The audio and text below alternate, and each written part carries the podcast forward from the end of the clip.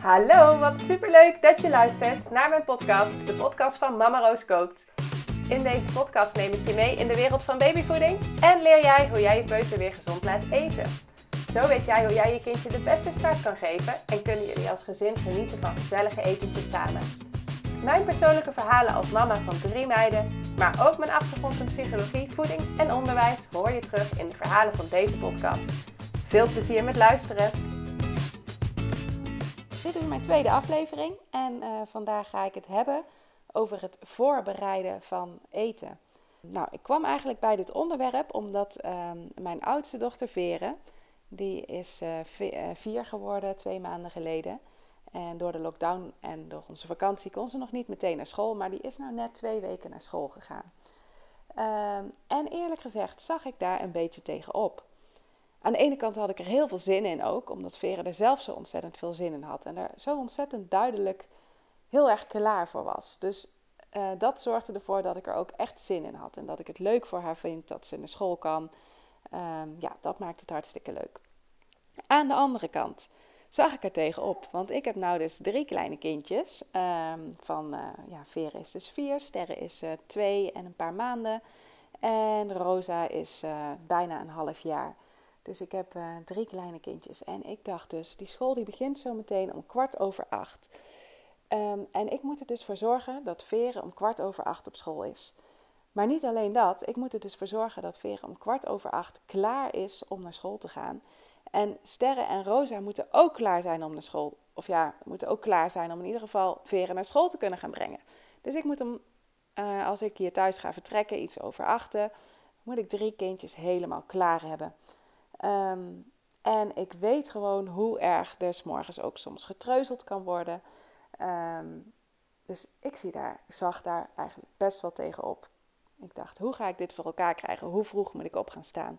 Ik heb ook echt nog geen goede nachten. Nou, het is wel heel toevallig dat ik dat nu zeg, want ik heb afgelopen nacht mijn eerste nacht doorgeslapen. Dus ik ben helemaal blij. Ik heb nu ook energie om uh, deze podcast op te nemen. Maar uh, mijn eerste nacht doorgeslapen dus. Maar goed, daarvoor waren de nachten nog niet uh, heel fijn.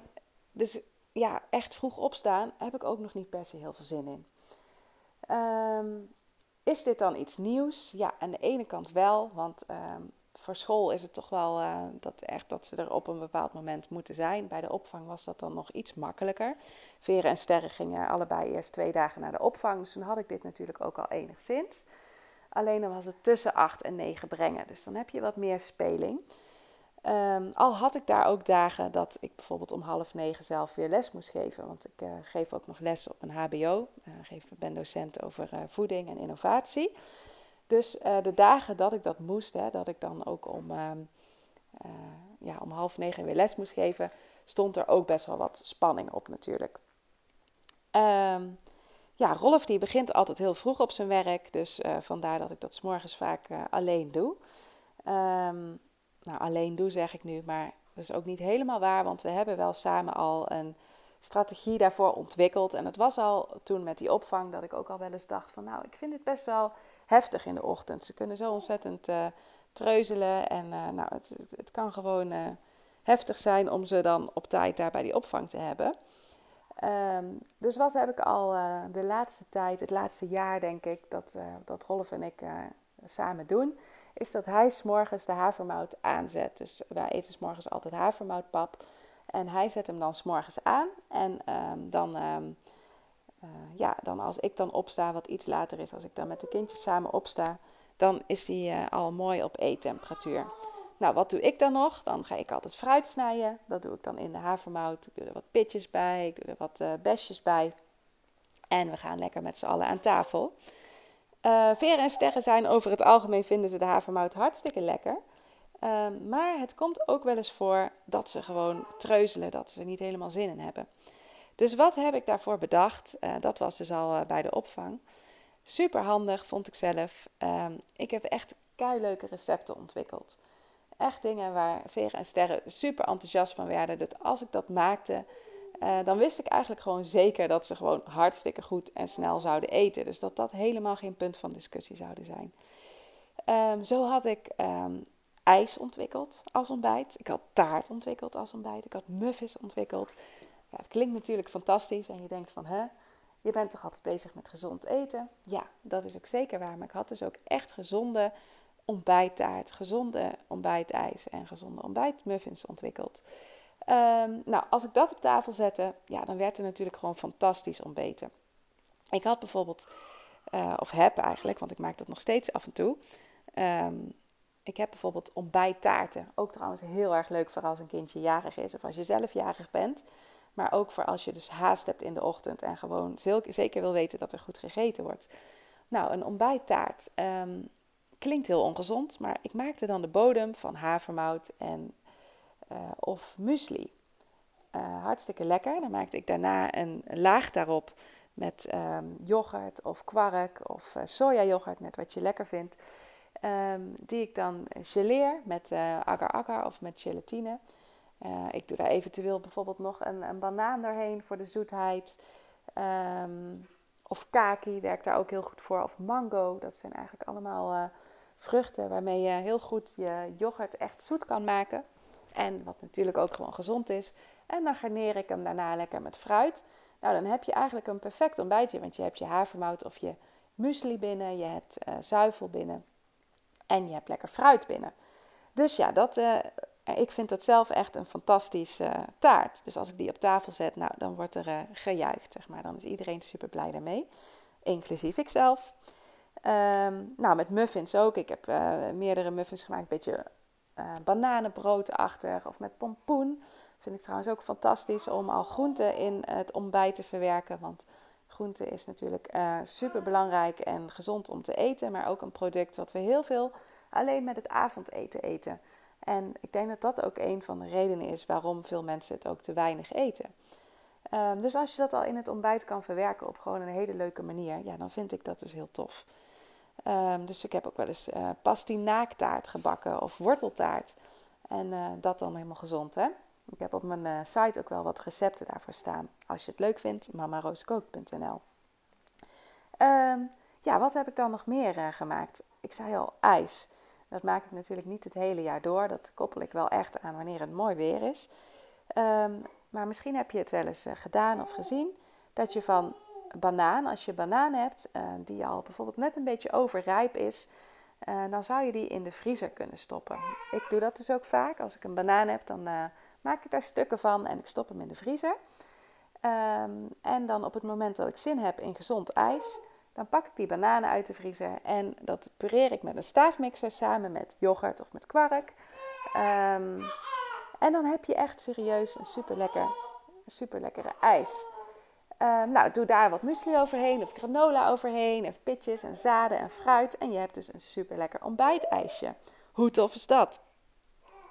Ja, dus zo uh, ging ik eigenlijk al om met de ochtenden waarvan ik al van tevoren dacht, oeh, dat kan al best wel eens eventjes heftig worden om ze dan op tijd klaar te hebben. Nou, dan is dat ontbijt in ieder geval uh, zo gepiept. Um, nou, nu heb ik al bedacht voor, uh, en dat doe ik trouwens nu ook al, voor de havermout die we eigenlijk altijd s'morgens eten, ging ik altijd nog fruit snijden, wat ik al zei. Um, ja, dat kost echt niet veel tijd hoor. Daar ben ik echt wel in vijf minuten of in tien minuten helemaal mee klaar. Maar ja, het kost natuurlijk nog minder tijd om gewoon diepvriesfruit te pakken. Dus dat is wat we nou al de afgelopen twee weken hebben gedaan. En dat bevalt me echt super goed. Dus frambozen, bosbessen uit de diepvries. Um, dat is al een succes. Nou, dat gaan we nu ook zelf uh, maken. Want nu had ik dat gewoon nog zo uit de supermarkt gekocht. Maar omdat dat zo uh, fijn werkt, ga ik nou ook, ik denk elke zondag, dat ik dan gewoon wat verschillende porties fruit in ga vriezen. Zodat ik ook um, eigenlijk mijn eigen gemaakte combinaties aan fruitsoorten kan gebruiken. Um, nou, dat vind ik dus echt zelf super werken. Um, ja, en dat voorbereiden van eten. Ja, dat is, ik vind het gewoon zelf echt zo handig. Want op die momenten waarop je dan vaak wat stress kan ervaren uh, dat is zo fijn als je dan die spanning daar weg kan nemen door gewoon het goed voorbereid te hebben. En dat je dan vol uh, wel tijd en aandacht voor je kinderen hebt. Um, ja, met de babyhapjes heb ik dat ook gemerkt. Ik had er in mijn vorige podcast ook al wel wat over verteld. Hè? Dat ik, um, ik heb eigenlijk voor uh, mijn babycursus heb ik een superhandig systeem waarbij je alle hapjes voorbereidt voor de eerste 60 dagen dat je baby eet. Ehm, en dan zie je precies uh, met een schema wel, wat je elke dag kan geven. En daar uh, heb ik al helemaal rekening gehouden met smaak opbouwen, met structuuropbouw. Super handig werkt dat. Maar uh, voor Rosa waren we op vakantie op het moment dat zij haar eerste hapjes ging eten. Ik heb daar dus niet echt gebruik kunnen maken van mijn eigen handige systeem, helaas. Um, dus wat had ik gedaan? Ik had uh, staafmixen mee op vakantie genomen. Want ik vind het wel heel belangrijk om gewoon uh, elke dag voor haar een vers hapje te kunnen maken. En dat ging ook prima hoor.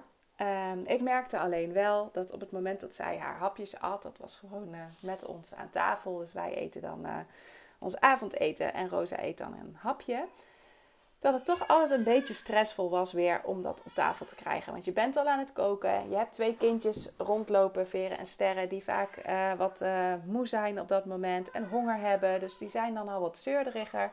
En dan stond ik ook nog een hapje te maken. Het ging op zich, maar ja, ik vond het gewoon niet de meest ideale manier. Dus ik was ook heel blij toen ik thuis was. Um, dat ik weer gewoon met mijn eigen systeem aan de gang kom. Dus ik was thuis en ik heb meteen weer lekker uh, staan koken in de keuken. En alles weer voorbereid. En ja, dat geeft nu zo'n rust. Het is zo fijn om dat uh, op deze manier weer gedaan te hebben. En om uh, ja, weer te zien zeg maar, hoe makkelijk dat gewoon werkt. En Rosa eet nou super goed aan tafel ook mee. Dus die eet dan lekker haar hapje. En wij eten ja, ons avondeten.